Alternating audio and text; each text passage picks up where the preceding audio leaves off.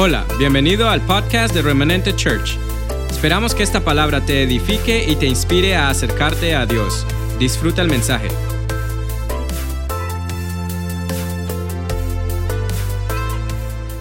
Padre, en el nombre de Jesús te damos gracias por esta mañana, Señor. Te damos gracias por tu presencia en medio nuestro. Te damos gracias, Señor, porque sabemos que es tu palabra, Señor, la que trae vida, que es tu palabra, Señor, la que restaura, que es tu palabra la que liberta, que es tu palabra la que proyecta, que es tu palabra, Señor, la que afirma.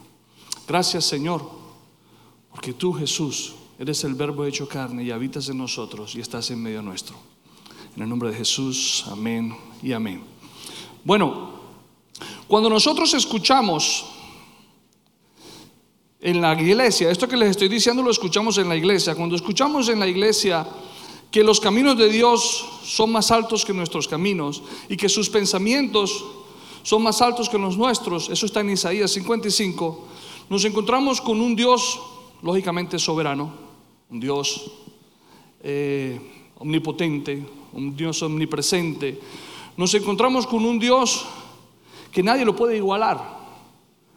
Es un Dios el que el cual se muestra mucho más allá. Su soberanía está ahí. Él se hace sentir como el Dios soberano, el jefe. Pero al mismo tiempo, al mismo tiempo, esas palabras nos hacen tener la sensación de que estamos lejos de Él.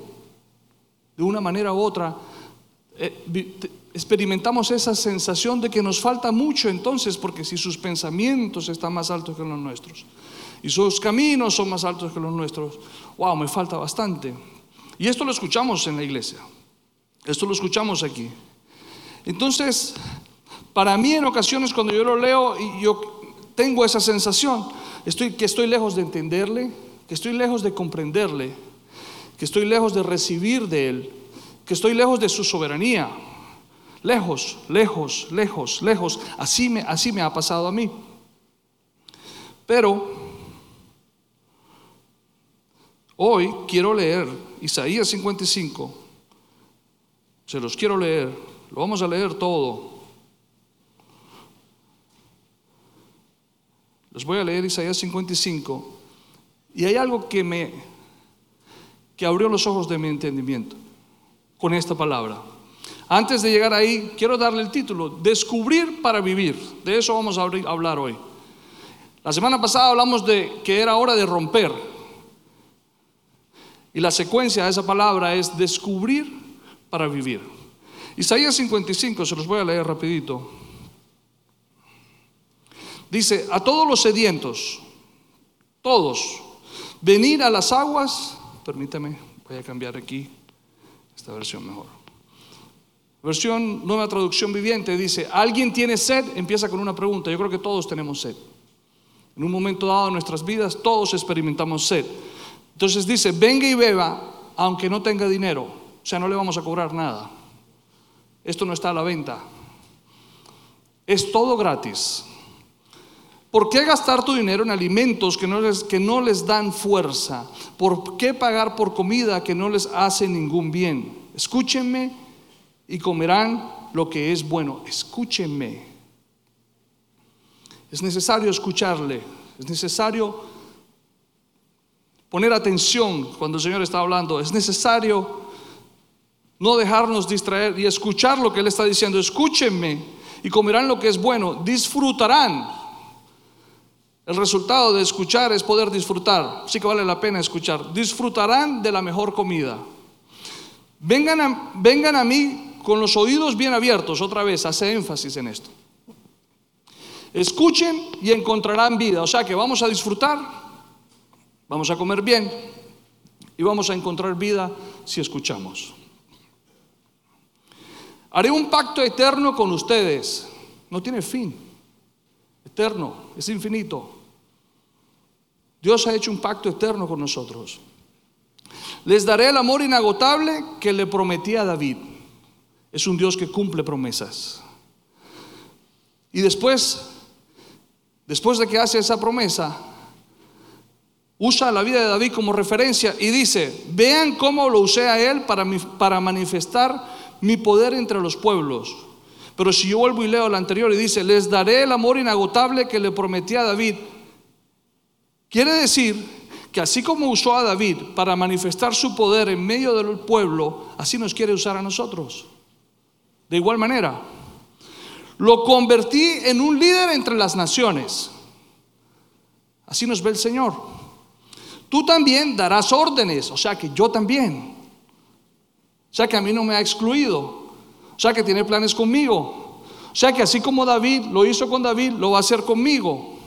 Tú también darás órdenes a naciones que no conoces y pueblos desconocidos vendrán corriendo a obedecerte porque yo, el Señor tu Dios, el Santo de Israel, te hice glorioso. Hay una versión que dice que gente desconocida vendrá a nosotros por causa del Señor a ayudarnos. Busquen al Señor mientras puedan encontrarlo. Recomendación. Llámenlo ahora mientras está cerca. O sea que Él no está lejos, ahora está cerca. Que los malvados cambien sus caminos. Ojo a esto. Que los malvados cambien sus caminos y alejen de sí hasta el más mínimo pensamiento de hacer el mal. Que se vuelvan al Señor para que les tenga misericordia. Sí, vuélvanse a nuestro Dios porque Él perdonará con generosidad. Y el 8 dice, mis pensamientos no se parecen en nada a sus pensamientos, dice el Señor. Pero eso se lo dice a los malvados, no a nosotros. Cuando yo leí esto, yo dije, epa, hemos estado usando esto de una manera equivocada. Entonces ya yo no me sentí lejos. ¿Por qué? No porque yo sea bueno, sino porque Jesús murió por mí y por ti. Y Jesús nos hizo justos. Y Jesús nos santificó y nos apartó. Y cuando Dios Padre me mira a mí y te mira a ti, lo hace a través de Jesús. Entonces ya no nos ve como malvados. Dice, mis pensamientos no se parecen en nada a sus pensamientos, dice el Señor, y mis caminos están muy por encima de los que pudieran imaginarse. ¿Quiénes? Aquellos que no están en el Señor. ¿Quiénes? Aquellos malvados. ¿Quiénes? Aquellos que tienen un corazón con una mala intención. Pues así dice, pues así como los cielos están más altos que la tierra, así mis caminos están más altos que sus caminos y mis pensamientos más altos que sus pensamientos. La lluvia y la nieve descienden de los cielos y quedan en el suelo para regar la tierra y hacen crecer el grano y producen semilla para el agricultor y pan para el hambriento. Lo mismo sucede con mi palabra. Hay una versión que dice que no volverá a él vacía, sino cumple el propósito para el cual él la envía. Lo mismo sucederá con mi palabra. La envío y siempre produce fruto logrará todo lo que quiero y prosperará en todos los lugares donde yo la envíe. Ustedes vivirán con gozo y paz. Cuando el Señor habla esto y dice, ustedes vivirán con gozo y paz, ¿ustedes saben qué está haciendo el Señor? Está diciendo que esa palabra que Él acaba de pronunciar allí dejó los cielos, como lo dejó la lluvia, como lo dejó la nieve, y vino a mi vida y regó mi vida, regó la tierra, esta tierra, para producir semilla. O sea, él dice, lo que yo digo no vuelve a mí vacía, lo que yo digo cumple el propósito para el cual yo la envío. Y después dice esta palabra, después dice esta promesa, ustedes vivirán con gozo y paz. Y sigue, los montes y las colinas se pondrán a cantar y los árboles de los campos aplaudirán. Donde antes había espinos, crecerán cipreses, donde crecía la ortiga brotarán mirtos. Estas cosas le darán la gran honra al nombre del Señor. Serán una señal perpetua de su poder y de su amor. Usted y yo somos la señal de Dios aquí en la tierra. Y perpetua. Porque lo que Dios dijo acerca de nosotros se cumple. Amén. O sea que rápidamente con esto lo que quiero dejar claro es que ese Dios soberano, omnipotente, omnipresente, que dice que sus pensamientos son más altos que los nuestros y sus caminos más altos que los nuestros, realmente es para aquellos malvados que no están en Cristo. Realmente es para aquellos que no están viviendo esta palabra y que por el contrario para nosotros quiere decir toda esa parte que dice que todo lo que Él dice se va a cumplir, que todo lo que Él ha prometido se va a cumplir. O sea, que esos pensamientos altos y esos caminos altos no están escondidos para ti y para mí. Están ahí al alcance. Son disponibles para nosotros. Amén. Amén. Amén. Ok. Habiendo dicho eso, Quiero leer una palabra, rápido. Esto es de última hora. No se olviden del título, Descubrir para vivir. Quiero leer una palabra. ¿Los jóvenes están aquí? Is the youth here? Yeah? Nice. Ok. Quiero leer una palabra que está en Josué, capítulo 1, del 1 al 9. Quizás esta palabra no es para todos los que estamos aquí. Pero sí es para muchos de los que estamos aquí. Josué 1, del 1 al 9, se los voy a leer rapidito. Permítame. Hoy he decidido mover la Biblia o el iPad como no estaba acostumbrado. Josué 1 del 1 al 9 cuenta la historia de lo que sucede después de que Moisés muere. El pueblo está en caos, el pueblo está en duelo, el pueblo está en angustia, el pueblo está en algo que nosotros hemos vivido últimamente, que es incertidumbre. No sabemos qué va a pasar. Acuérdense lo que hablábamos ahorita. Esos sueños, esos planes, esos caminos del Señor que creíamos escondidos, sí están al alcance de nosotros. Pero aquí el pueblo de Dios está viviendo un momento de incertidumbre donde no sabe qué va a pasar. Entonces el Señor le habla a Josué y le dice, Mi siervo Moisés ha muerto, por lo tanto ha llegado el momento de que guíes a este pueblo, a los israelitas, a cruzar el río Jordán y entrar en la tierra que les doy. O sea, a pesar de que mi siervo murió, a pesar de que mi amigo murió, a pesar de que mi socio en este proyecto murió, porque él era el socio de Dios en ese proyecto. A él fue el que Dios escogió para liberar al pueblo de Egipto. A pesar de que su socio había muerto, el plan no había cambiado. Y el Señor le está recordando el plan a Moisés, a, Josué, perdón. El plan que él había tenido con Moisés se lo está recordando a Josué. Y le dice que ahora era él el que le tocaba. Es tu turno, te toca a ti. A ti es quien yo he escogido. Hay varios aquí que necesitamos escuchar esto. Somos nosotros los que Dios ha escogido para este tiempo. Iglesia, el domingo pasado hablamos de un rompimiento y lo llevamos quizás a un nivel personal. ¿Verdad? Porque así fue. Teníamos una hoja de papel en nuestras manos y rompíamos con todo aquello que nosotros, que Dios nos había revelado que nos estaba deteniendo. Pero te quiero decir, más allá de que fue algo personal, también es algo que está sucediendo a nivel de la iglesia. Estamos experimentando un rompimiento en la iglesia. Estamos experimentando un nuevo tiempo. Estamos experimentando un nuevo momentum de Dios en la iglesia. Y los escogidos para eso somos nosotros. Los que estamos aquí presentes, los que están allí conectados, nosotros somos los que Dios ha escogido para eso. Así como escogió a Josué en un momento. Y le recordó, hombre, no se hizo con Moisés, pero lo voy a hacer contigo. Porque mi plan no ha cambiado. ¿Usted sabe qué caracteriza a Remanente Church? ¿Qué caracteriza a esta iglesia? Que en 20 años la visión sigue siendo la misma. Que la visión no ha cambiado. El plan de Dios no ha cambiado. El apóstol quizás ya no está compartiendo con nosotros todos los domingos. Estuve en Colombia, se trabaja arduo, días de 14 y 15 horas.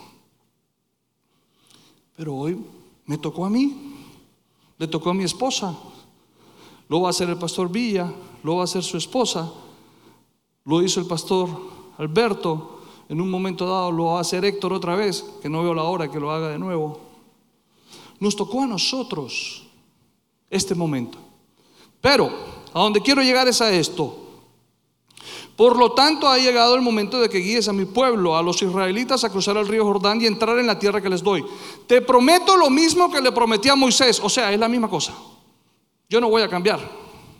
Dice la palabra que es el mismo ayer, hoy y siempre. Sus promesas son las mismas. Yo no sé qué estás viviendo, pero sus promesas no han cambiado. Quizás no estás viendo las cosas como las escuchaste en un momento dado, pero las promesas de Dios no han cambiado. Jesús sigue siendo el mismo. Y entonces, ¿qué dice aquí? Dice,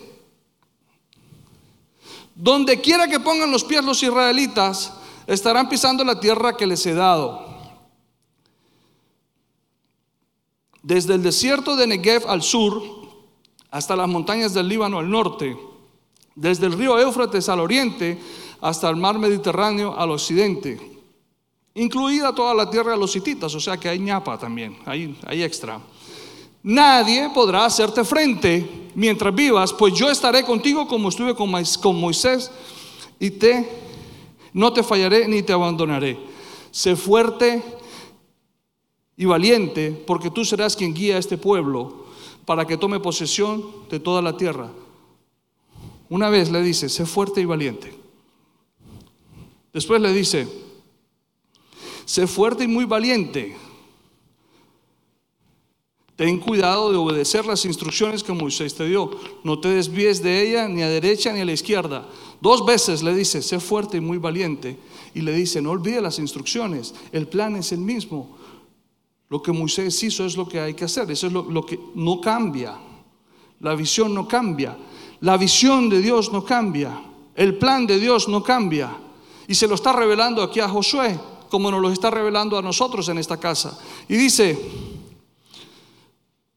entonces te irá y bien en todo lo que hagas. Estudia constantemente este libro de instrucción, más instrucción todavía. Medita en él de día y de noche para asegurarte de obedecer todo lo que allí está escrito. Solamente entonces prosperará, prosperarás y te irá bien en todo lo que hagas. Pero el 9, el 9 dice, mi mandato es, sé fuerte y valiente. No tengas miedo ni te desanimes porque el Señor tu Dios está contigo donde quiera que vayas. Si nos regresamos un poquitico, mencionó norte, sur, este y oeste. Cubrió todos los puntos cardinales. Él está con nosotros en todo momento. Pero hay personas aquí que necesitan escuchar de parte de Dios que es una orden. Ya no es una recomendación. Es el momento de romper. En un momento dado se nos aconsejó, en un momento dado se nos instruyó, en un momento dado se nos, se nos animó. Pero yo me imagino que José estaba tirado en el piso, triste y no se podía levantar, llorando a su líder, con una nube de incertidumbre. Él no veía claro lo que estaba sucediendo, él no veía claro qué iba a pasar. Como nos pasa a todos nosotros. Todos nosotros vivimos esos momentos en donde, Señor, ¿y ahora yo cómo hago? Señor, pero tú me habías dicho esto y tú me dijiste esto. Yo cómo estoy viviendo esto si esto es contrario a lo que tú me dijiste. Y entonces vivimos, nos encierra la incertidumbre y se nos nubla la visión. Ya no tenemos claro, porque cuando recibimos la palabra, oh, qué momento, qué emoción, qué alegría, qué gozo. La compartimos y la hablamos y la leemos. Pero ¿qué pasa cuando recibimos la palabra y empezamos a ver cosas como que se nos murió el líder? Caemos en incertidumbre y en el, ¿ahora yo qué hago? Vas a hacer lo mismo que el Señor te dijo, esfuérzate y sé valiente. Y quizás vas a necesitar escuchar una orden. Quizás vas a necesitar escuchar un mandato, como lo dice el Señor. Este es mi mandato. O sea, movimiento de jefe. Se murió el líder, pongo otro. Eso, solamente, eso solo lo hace un jefe. Y este nuevo líder, yo lo veo derrumbado, que no se levanta, que no es capaz de superar este dolor. Entonces le doy la orden. Esta es una orden, es que ya no es una orden. Pueblo de Dios, es una orden esforzarnos y ser valientes. Es una orden llevar a cabo el plan de Dios. Es una orden vivir lo que Dios dijo acerca de nosotros. Es una orden permitir que Dios procese nuestras vidas Porque Él quiere llevarnos a cosas mejores. Porque Él lo prometió. Es más, leímos en Isaías 55 que ya no está escondido, que está a nuestro alcance. Ahora leemos en Josué que nos lo está diciendo, pero aún así no nos podemos levantar. Aún así nos ganan las emociones, aún así nos gana el drama. Entonces Dios dice, hey, es una orden, es una orden, levántate, levántate, es una orden. Si siguen leyendo, Josué recibió la orden y llevó a cabo el plan. Ustedes lo conocen muy bien. Hay personas que necesitan vivir esta orden. Muchas veces cuando recibimos la palabra se convierte en lo más parecido a un evento. De hecho, hoy en día con los celulares le preguntamos al, compañero que está con nosotros, a mi esposa, le preguntamos a mi hermano. de hecho, aquí estuvimos en un, en, un, congreso y nos preguntábamos el uno al otro después de que salíamos, ¿hiciste el video? ¿Lo grabaste? Es que el Señor me habló y yo no me recuerdo de todo. Y se convierte en un evento.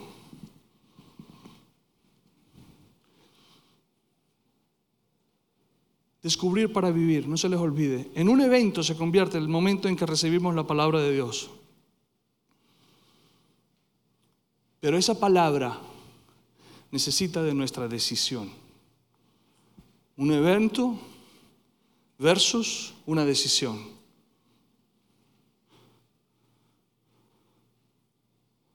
José tuvo que levantarse, él tuvo que decidir levantarse, a pesar de lo mal que estaba. ¿Se acuerdan cuando hablamos aquí de la ofensa? Los jóvenes se acuerdan en, el grupo, en el, en el, campamento de jóvenes, jóvenes hablamos, don't take it, reject it, no lo recibas, recházala. No recibas la ofensa, recházala. Y hablábamos de que la ofensa, en el momento en el que sucede la ofensa, es algo que marca nuestras vidas. Y al mismo tiempo es un evento que queda en nuestras memorias. Pero la decisión de estar ofendidos es nuestra. La ofensa es un evento, evento versus decisión. La ofensa es un evento y estar ofendido es una decisión. De igual manera opera el decidir no recibir la ofensa. De igual manera opera el avanzar.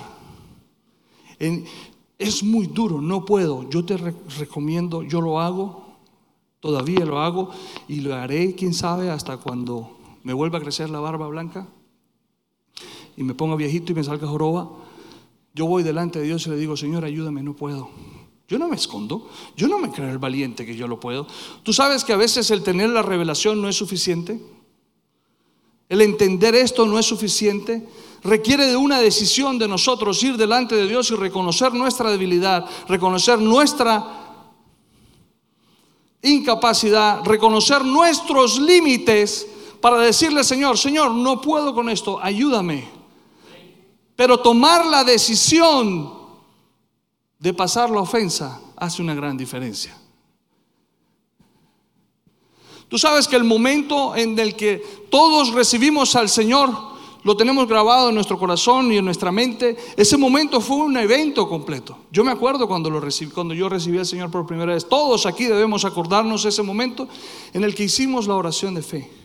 Ese momento en que nosotros sentimos algo que yo no sé dónde, que no sé cómo explicar, explicar pero que me cambió que cuando salí de allí yo podía ver más claro, que cuando salí de allí era como cuando me ves, como cuando operan a las personas de la vista y ven el color verde de las hojas más brillante y el sol ilumina más, así lo vivimos todos.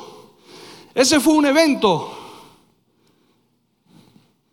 Y muchos nos hemos quedado en ese evento y no hemos tomado la decisión de seguir a Jesús, de transformar nuestra vida. Solamente nos quedamos en el momento de recibir al Señor, como ese momento, si se puede usar esta palabra, me disculpan, mágico. Cuando verdaderamente, después de ese evento, necesitamos tomar la decisión de seguir a Jesús para transformar nuestras vidas. ¿Cuántos dicen amén? ¿Cuántos están de acuerdo? Ok, no se me duerman. Me preocupa que se me duerman. Yo alzo la voz lo que más puedo.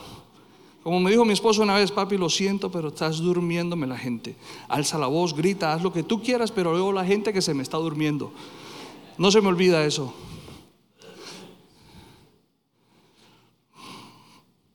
Jesús nos encuentra a nosotros, pero a nosotros nos toca seguir a Cristo. Jesús es el que llega a nuestras vidas. Nosotros no encontramos a Jesús. Jesús es quien llega a nuestras vidas. Eso está en la palabra. Pero a nosotros nos toca decidir seguir a Cristo. He decidido seguir a Cristo. No vuelvo atrás. No vuelvo atrás. Amén. He decidido seguir a Cristo. No vuelvo atrás. No vuelvo atrás. Pero estamos anclados en el pasado.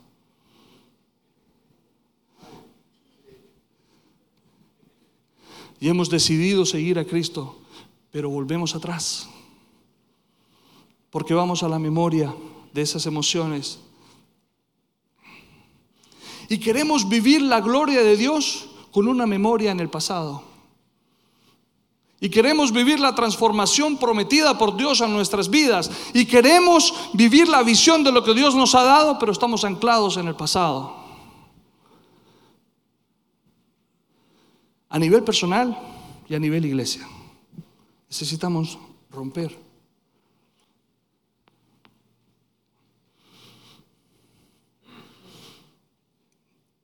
De hecho, de hecho, necesitamos fe. Y la palabra a mí me enseña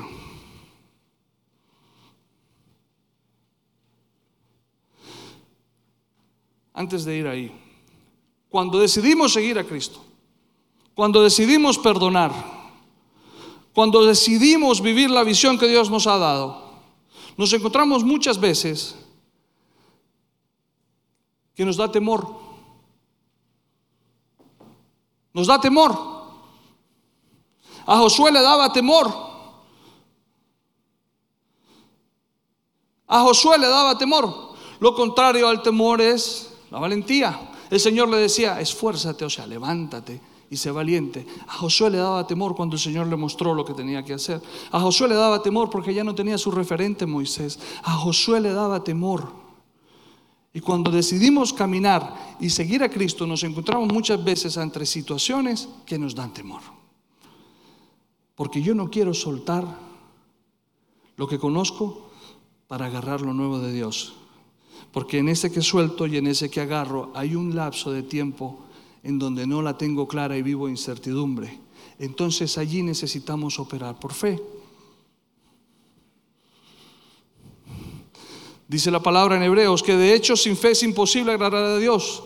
Todo el que desea acercarse a Dios debe creer que Él existe y que Él recompensa a los que, busca, a los que lo buscan con sinceridad. Eso está en Hebreos 11.6. Pero Hebreos 11.1 dice, la fe demuestra la realidad de lo que esperamos, o sea, lo demuestra. Y es la, la evidencia de las cosas que no podemos ver. La fe demuestra la realidad de lo que esperamos y es la evidencia de las cosas que no podemos ver. Dios nos está llamando Dios te está mostrando su camino, Dios te está dando la visión, Dios te está diciendo lo que Él quiere hacer contigo, Dios te ha dejado hoy saber que sus pensamientos están a nuestro alcance, que sus caminos están para que nosotros los caminemos, no para que los veamos allá en un futuro lejano, están aquí con nosotros.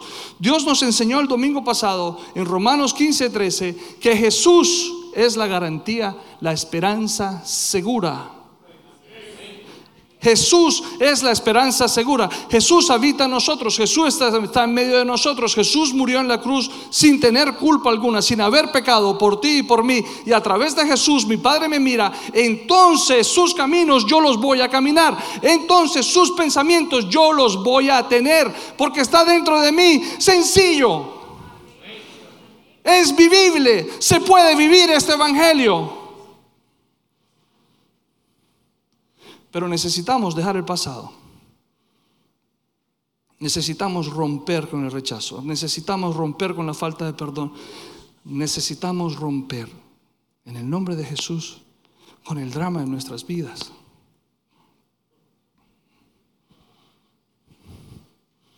Porque el plan de Dios no ha cambiado. El plan de Dios es el mismo. Y dice que es el mismo ayer, es el mismo hoy y es el mismo por siempre. ¿Es o no es seguro? ¿Es o no es la garantía de nuestras vidas? Claro que lo es. Ahora, lo contrario a la fe no es el temor, como lo hemos aprendido. Lo contrario a la fe no es el temor. Nos han enseñado que lo contrario a la fe es el temor.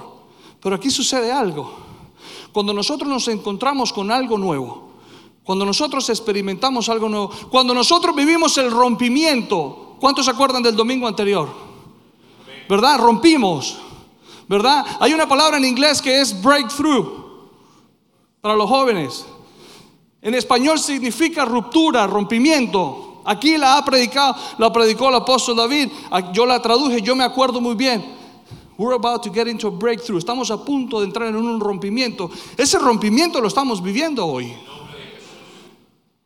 Ese breakthrough, ese rompimiento, esa ruptura lo estamos viviendo hoy. Por eso está esto.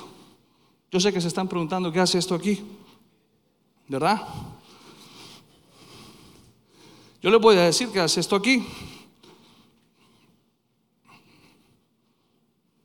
Esto está complicado, compartir la palabra sin que me vean.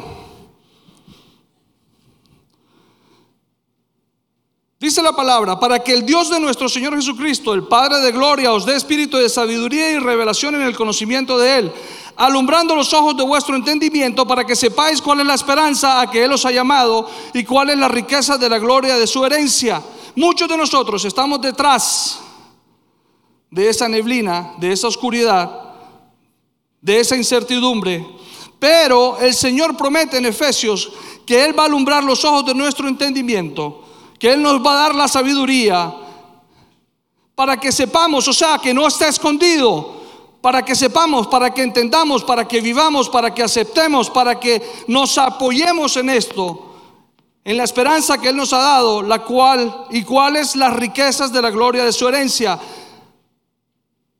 Muchos de nosotros el domingo anterior hicimos esto, un rompimiento, y cruzamos al otro lado. Muchos de nosotros hicimos eso, rompimos para cruzar. Pero yo le decía, Señor, Señor, ¿y ahora qué? Ya hemos roto. Ya hemos, a mí me entregaron papelitos en mi mano y me dijeron, rompí por mí, por mi esposo, mis hijos, mis nietos y mis generaciones. Para eso había que hacerlo. Pero y si te estás preguntando, ¿y ahora qué? Y si el Señor te dice a ti que tú eres la bisabuela del próximo presidente de este país, Señor, ¿y entonces qué tengo que hacer? Señor, ¿qué voy a hacer? ¿Qué pasa cuando nosotros hemos roto y llegamos aquí? Nos da temor muchas veces cuando vemos el plan de Dios. Caemos en incertidumbre muchas veces y no entendemos lo que tenemos que hacer. Y vivimos en temor. Pero a mí la palabra me dice que sin fe es imposible agradar a Dios. O sea que en este momento, en este momento, cuando yo rompo aquí y no conozco, yo necesito empezar a vivir por fe. Pero cuando me encuentro ante el temor, el temor me lleva a vivir en control. Y el control es lo contrario a la fe. Cuando no sabemos lo que tenemos que hacer, metemos mano y queremos controlarlo todo. Cuando no tenemos claro el paisaje hacia adelante, cuando no tenemos claro el camino hacia donde el Señor nos está llevando, queremos ayudarle a Dios y metemos mano y queremos controlarlo todo. Y lo contrario a la fe es el control, no el temor. El temor nos lleva al control. Pero en Samuel le dijo el sacerdote a Saúl que el control era parecido a la hechicería. Así de grave es. Así de grave es el control. Hemos querido controlar el camino, hemos querido controlar la visión, hemos querido controlarlo todo. Porque nos da temor. Porque nos da temor vivir en lo que Dios nos ha dicho que tenemos que vivir. No temas más. Opera en fe. Vive y disfruta este camino. No es fácil. Yo no estoy diciendo que sea fácil. Para nadie ha sido fácil. Leemos la Biblia. Para nadie ha sido fácil. Pero también si leemos la Biblia dice que Jesús es la esperanza segura. Que Jesús murió por nosotros. Que Jesús tiene un plan con nosotros. Que Él nos quiere revelar. Pero no solamente nos quiere revelar, también nos quiere dar la sabiduría para que podamos operar, para que podamos vivir en ese camino.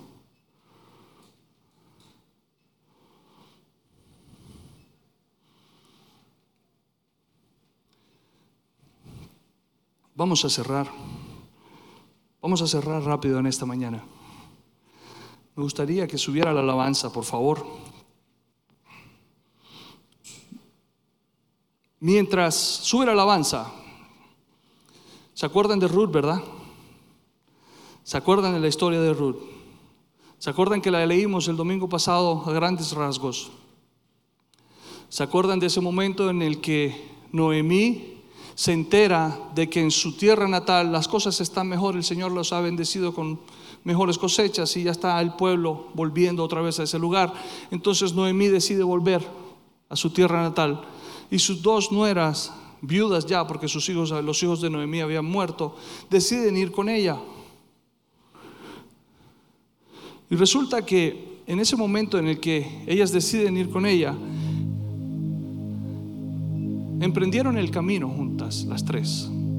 Ya iban de camino. Nosotros ya hemos empezado el camino. Nosotros ya estamos caminando en ese camino. Nosotros ya hemos emprendido el camino juntos. A pesar de lo que nos ha pasado, nosotros estamos caminando en lo que Dios ha dicho acerca de nosotros. Pero la palabra me dice que Noemí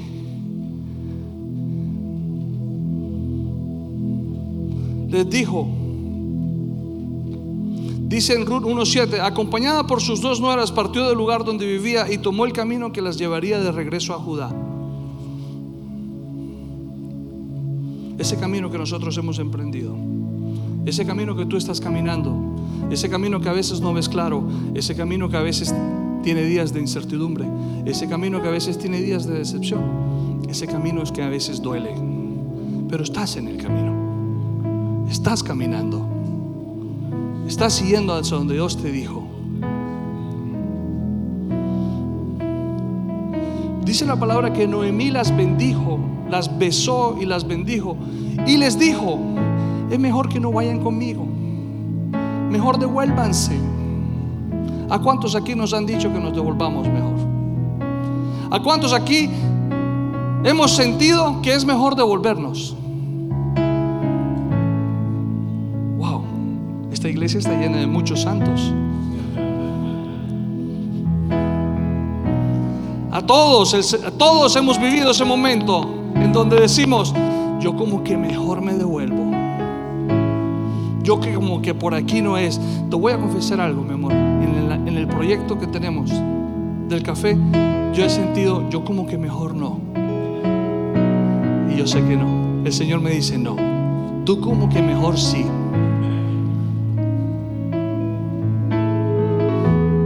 Porque el reto que tenemos con ese proyecto es de transformar la mentalidad del consumidor del café. No es vender café. El reto del Señor con su palabra es transformar nuestra mentalidad y vivir sus pensamientos y en sus caminos. Ese es el reto que tiene el Señor con nosotros. Y te escogió a ti, y me escogió a mí, y te escogió a ti que estás en casa para que lo hagamos juntos.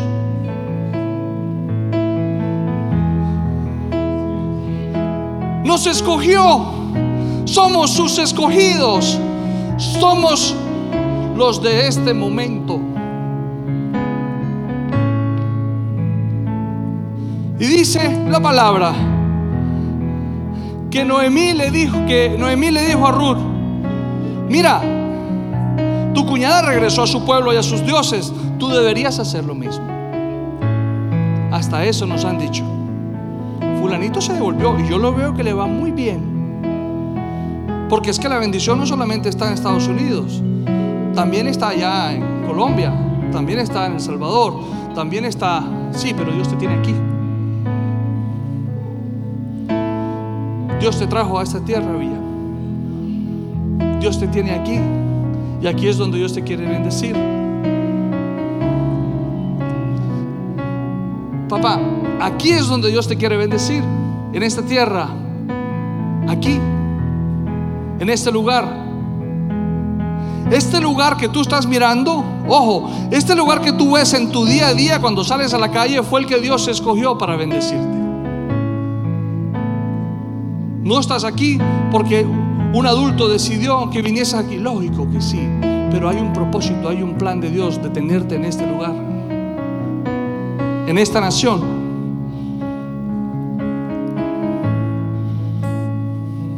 A veces hasta nos ponen ejemplos de personas que se han devuelto para convencernos de que es mejor que nos devolvamos. ¿Sí o no? Pero pero, los peros de Dios. Ruth vivió Efesios. Y a Ruth se le alumbraron los ojos de su entendimiento.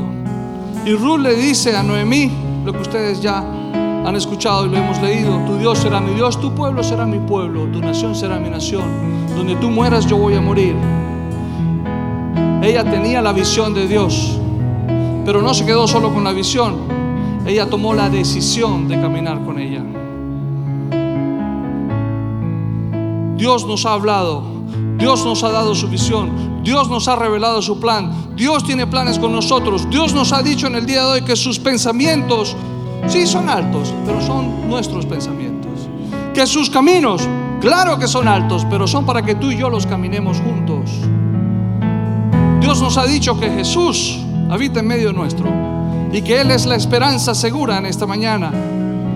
Joven, joven, que estás aquí. Jesus is the way. He's the only way. Don't look around like there is something else. Porque no hay nada más. Jesús es el camino. Joven que estás aquí. Jesús es el mismo ayer, es el mismo hoy y es el mismo mañana no hay nada, no hay nada, y esto está en la palabra, que el joven esté viviendo el día de hoy que ya no haya existido sobre la faz de la tierra. Oh, pastor, pasa que tú eres old fashion. Ya tú eres abuelo. Sí, pero Jesús es el mismo. Jesús quiere que sepas que es el mismo hoy contigo, ayer con tus padres mañana con tus hijos, porque es un Dios generacional.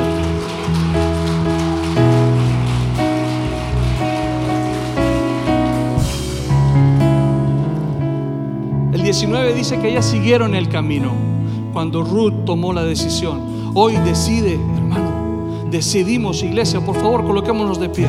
Vamos a cerrar ya. Es el momento de decidir. Ya rompimos, ya rompimos, ya atravesamos, ya cruzamos una puerta. Ya entramos a esta puerta que nos dividía, esta puerta que nos apartaba, esta puerta que no nos dejaba entrar, esta puerta que no me deja ver al guitarrista, al, bajista. Esta puerta ya la atravesamos, ya estamos aquí y aquí vamos a operar en fe, aquí vamos a operar en lo que Dios dijo, aquí vamos a creer en lo que Dios ha dicho para nuestras vidas, aquí vamos a romper con el temor, aquí vamos a renunciar al control. Aquí vamos a renunciar al control y entonces vamos otra vez a volver a ese camino que Jesús tiene para ti y para mí. Pastor, pero ¿cómo vivo el día a día? Léase Ruth. Léase Ruth.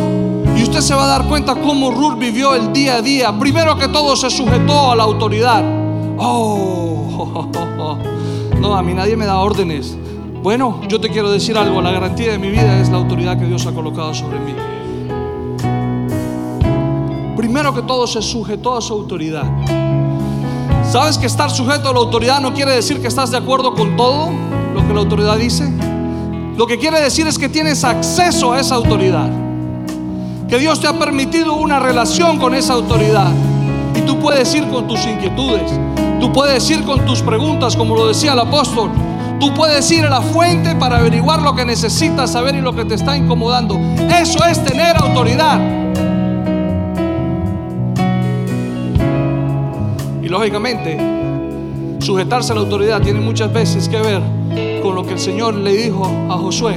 Esto es una orden y hay que obedecer. Porque la autoridad sabe dar órdenes y hay que obedecer. Pregúntenle a David si no se sabe, si no se supo sujetar a Saúl, su autoridad, la autoridad que lo perseguía para matarlo. Y él decía, líbreme el Señor de tocar al ungido de Dios. Lo tuvo servido en bandeja para matarlo y no lo tocó. Le cortó un pedacito de su ropa y después se la mostró a la distancia y le dijo, hey, te tuve servido, pero yo te amo. Tú eres mi autoridad. Sé que me buscas, pero te amo. No te voy a tocar. Ruth se sujetó a la autoridad. ¿Sabes qué más hizo Ruth? Ruth era una mujer trabajadora. Hay que trabajar. Hay que salir a trabajar todos los días. ¿Qué es esa sinvergüenzura que estamos viviendo del cheque que llega a la casa? ¿Qué es esa sinvergüenzura que hoy en día ya no queremos ir a un empleo y cumplir con las normas de un empleo, sino que queremos ser nuestros propios jefes y no estamos siendo forjados, estructurados en el carácter que Dios ha decidido para formarnos en ese camino de vida? Es una sinvergüenzura. Muy bien intencionado, pero de buenas intenciones no podemos vivir. Tenemos que vivir de propósito. El propósito de Dios es forjar nuestra vida, forjar nuestro carácter. ¿Sabes qué más hizo Ruth? Ruth fue prudente. Ruth se acercó al capataz de voz y le dijo, ¿me permites trabajar? ¿Me permites entrar? Fue prudente.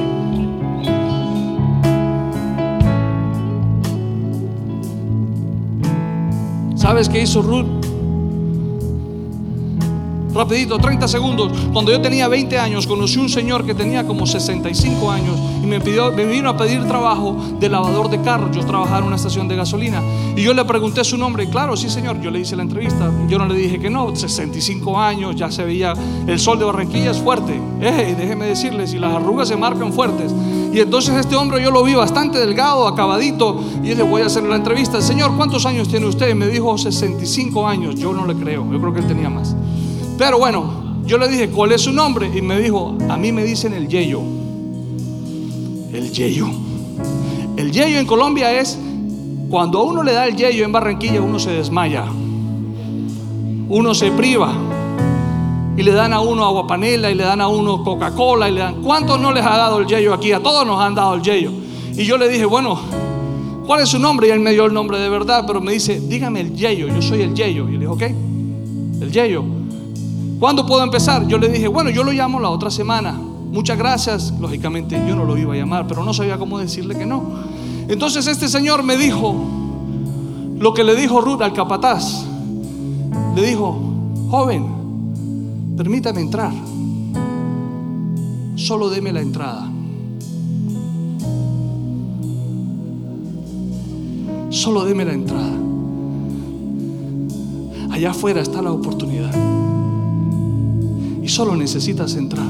Pero el Yeyo sí que la supo hacer. Este hombre trabajó con una prudencia, con un esmero, con una entrega, con una responsabilidad, que al mes era el jefe de patio. Se convirtió en mi mano derecha. Yo tenía 20 años, este hombre podía ser mi abuelo me decía, jefe, a mí me da pena. Pero el hombre pidió la entrada. Quizás es todo lo que necesitamos, que nos den la entrada. Pero ¿cómo vamos a entrar si estamos en casa? ¿Cómo vamos a entrar si estamos recibiendo un cheque? ¿Cómo vamos a entrar si estamos dejando pasar la oportunidad? ¿Cómo vamos a entrar si nos vamos a devolver? ¿Cómo vamos a entrar si no somos prudentes? ¿Cómo vamos a entrar si no obedecemos? ¿Cómo vamos a entrar si no nos sujetamos a la obediencia? Si usted sigue leyendo la historia de Ruth, y yo termino aquí con esto, usted se va a dar cuenta que Noemí en un momento dado, dice que un día, o sea que cualquier día, el Señor le dijo a Noemí lo que había que hacer para que se cumpliera la palabra sobre la vida de Noemí y para que, para que Ruth fuera la bisabuela de David. Le dio el plan y Noemí se lo da a Ruth y Ruth lo escucha y Ruth le dice, haré exactamente como me estás diciendo. Yo haré exactamente como me estás diciendo, Señor.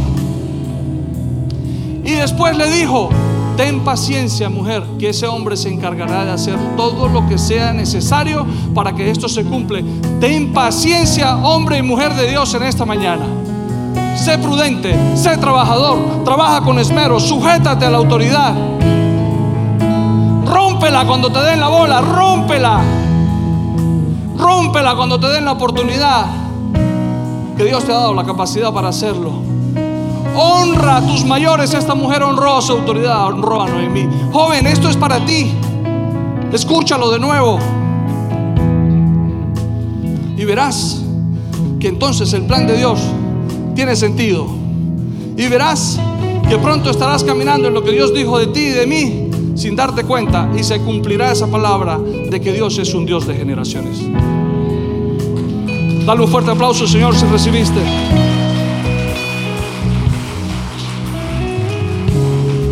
Padre, en el nombre de Jesús, levante sus manos ahí donde está. Yo quiero orar por ti. Padre, en el nombre de Jesús, en esta mañana te damos gracias por cada una de las personas que están aquí reunidas, por cada una de las personas que están allí conectadas, Señor. Te damos gracias porque tu palabra ha venido a ser, Señor, eficaz en nuestras vidas. Te damos gracias, Señor, porque entendemos que estás a nuestro alcance. Te damos gracias, Señor, porque hoy sabemos que tus pensamientos son mis pensamientos y que tus caminos son mis caminos. Te damos gracias, Señor, porque entendemos que necesitamos romper con el temor para poder eliminar el control en nuestras vidas. Porque entendemos, Señor, que es a través de la fe que podemos morir para poder resucitar y disfrutar contigo esta vida eterna, hoy, aquí presente, porque eres un Dios del presente, Señor, con propósito en el futuro y que restaura el pasado. Eres un Dios que nos reafirma hoy y que nos sana hoy. Eres un Dios, Señor, que nos levanta hoy. Eres un Dios que tiene planes con nosotros. Gracias, Señor Padre, yo oro por tu pueblo, yo oro por tu iglesia, yo oro por mi familia, Señor. Y yo declaro que esta palabra, Señor, se revela a nuestro corazón todos los días de nuestro ser. Hoy tomamos la decisión, Señor, de seguirte, Jesús. Hoy tomamos la decisión de caminar en ese plan que tienes con nosotros. Hoy tomamos la decisión de eliminar el control de nuestras vidas en el nombre de Jesús. Amén y amén. Aleluya. Esperamos que este mensaje haya sido de bendición. No te olvides de suscribirte a nuestro podcast y seguirnos en Facebook e Instagram arroba remanente church.